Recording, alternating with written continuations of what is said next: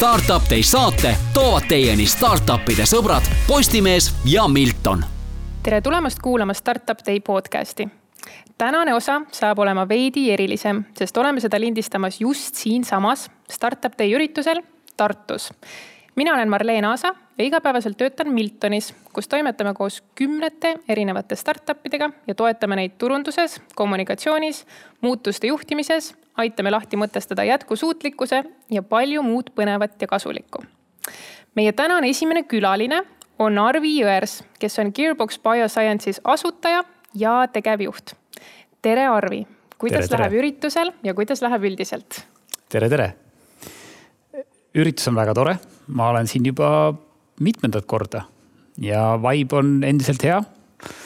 inimesi on palju mm,. iga aasta järjest on rohkem tuttavaid mm, -hmm. nii et on mhm. hea vanu tuttavaid näha.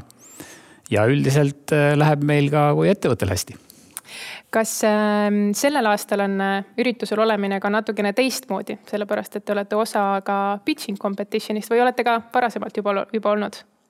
Selles põhi pitching track'is varasemalt ei ole, nii et tõepoolest sellel aastal on äh, ärevus on natuke suurem mm. -hmm. ootused on natuke suuremad.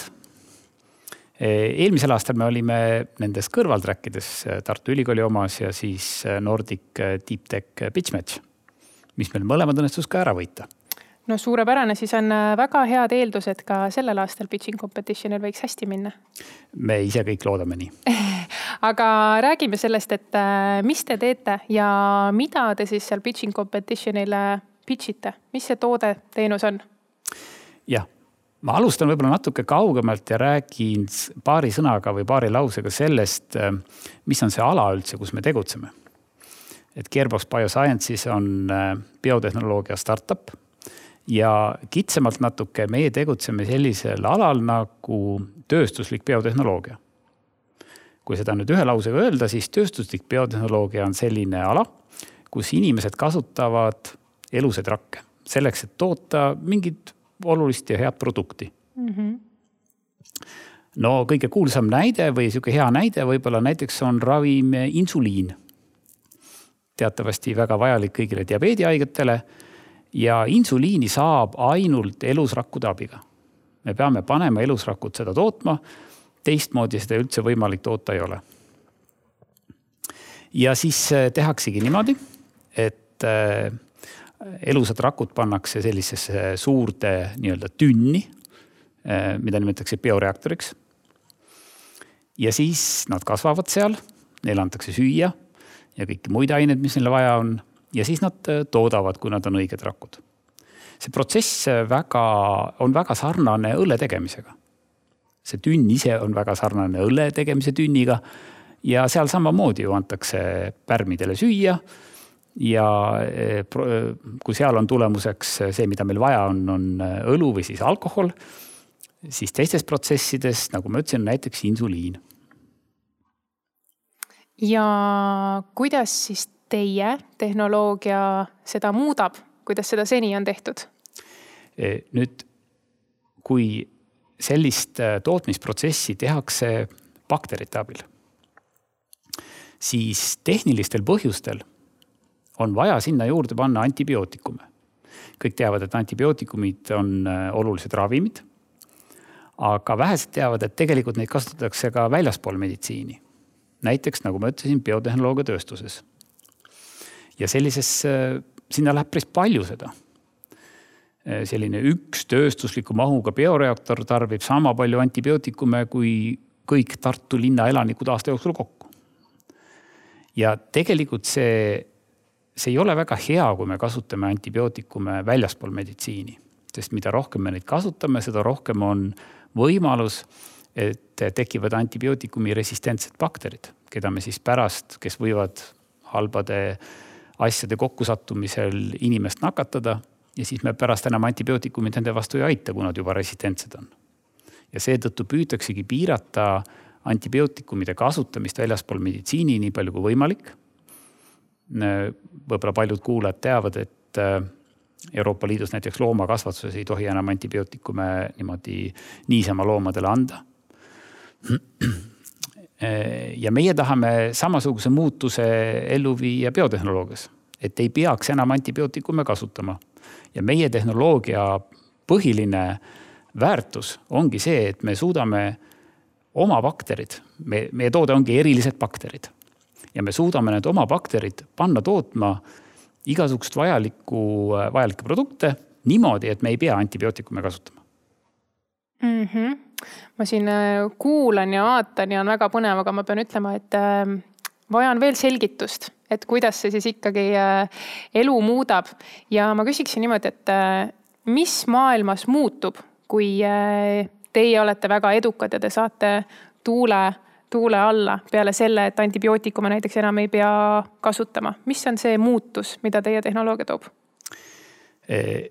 esiteks muutus nagu ühiskonna jaoks on see, et kuna me siis kasutame vähem antibiootikume, siis meil on ka vähem antibiootikumi resistentsust. ja puht statistiliselt äh, jäävad olemata mõned ebavajalikud surmad inimestel, kes on nakatunud, võivad kogemata nakatuda antibiootikumi resistentse bakteriga. ja kui meie vähendame globaalselt, suudame vähendada seda antibiootikumide kasutamist, siis äh, loodetavasti jäävad sellised äh, asjad ära mm. -hmm. et see on nagu selline globaalne pilt.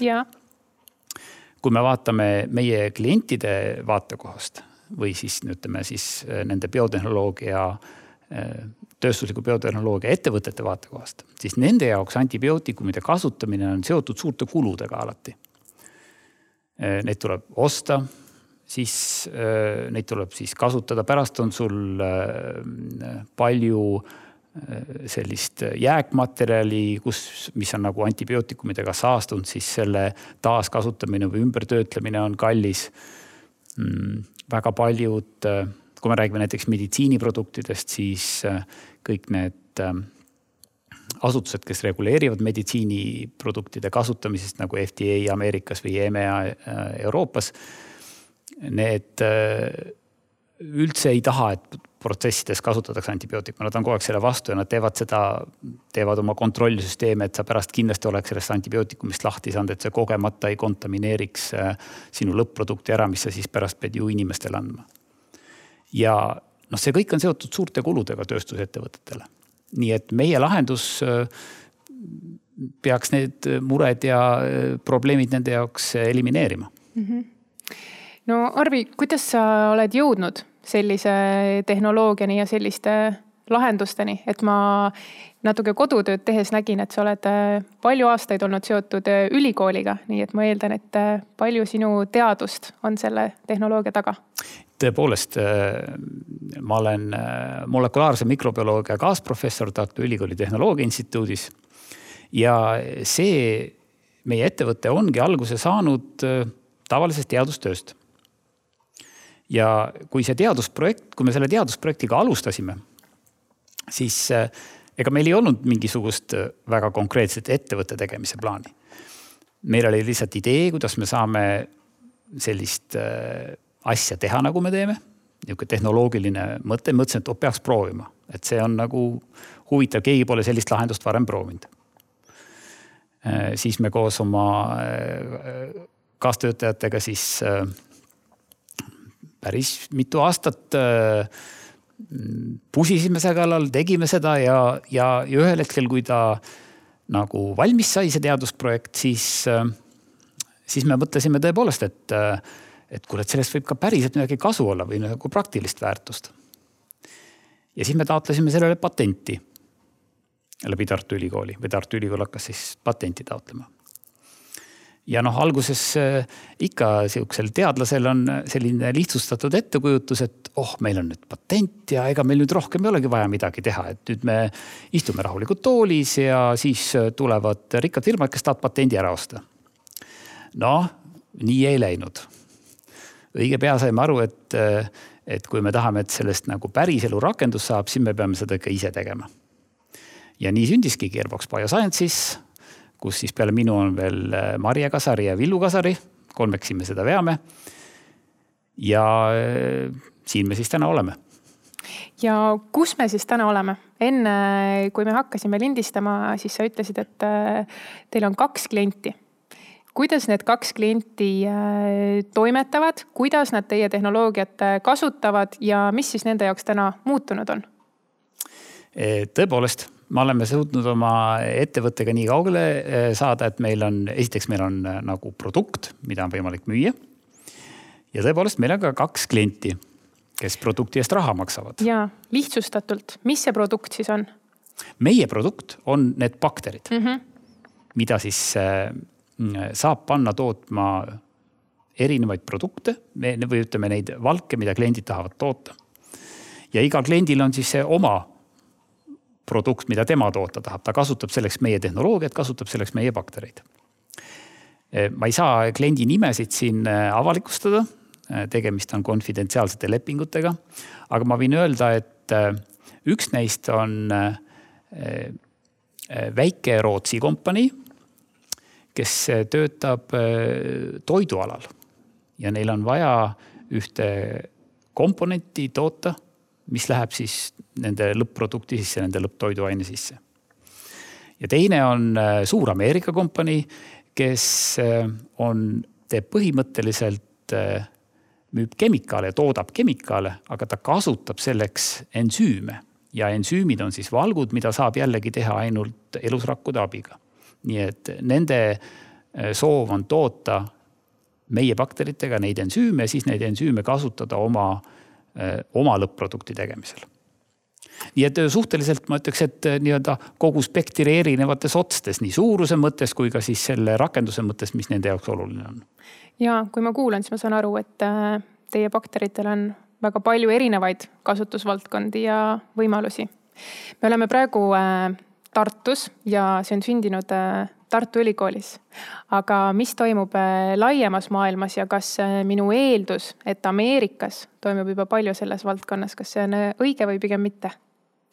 biotehnoloogias toimub palju asju kogu aeg, aga biotehnoloogias on palju erinevaid sektoreid ja ruumi jagub siin toimetamiseks paljudele. kui võtta nüüd väga kitsalt, et kas keegi veel proovib antibiootikumidest lahti saada sellises tööstusprotsessides, siis jaa, loomulikult meil on väga selgeid äh, konkurente, eelkõige küll Euroopas, äh, Austrias, Saksamaal, Taanis. ja meil on, äh, on, on veel tehnoloogiaid, mis teevad seda teistmoodi. aga meie tehnoloogial on mõned väga head omadused, mis ma arvan, teevad selle just klientidele hästi sobivaks Te olete praegu osa pitching competition'ist ja kindlasti investorid küsivad teie käest, et äh, mis teid eristab konkurentidest ja sa ise just mainisid ka praegu, et Euroopas juba on erinevaid konkurente. mis need eristavad faktorid on siis? Äh, need on eelkõige tehnilised selles mõttes, et äh, seal ongi see konkurents on nagu erinevate tehnoloogiliste lahenduste vahel, mis kõik lõpuks peavad pakkuma sama tulemust ehk siis antibiootikumi vaba tootmist. ja meie lahendus on äh, nagu põhimõtteliselt uut tüüpi.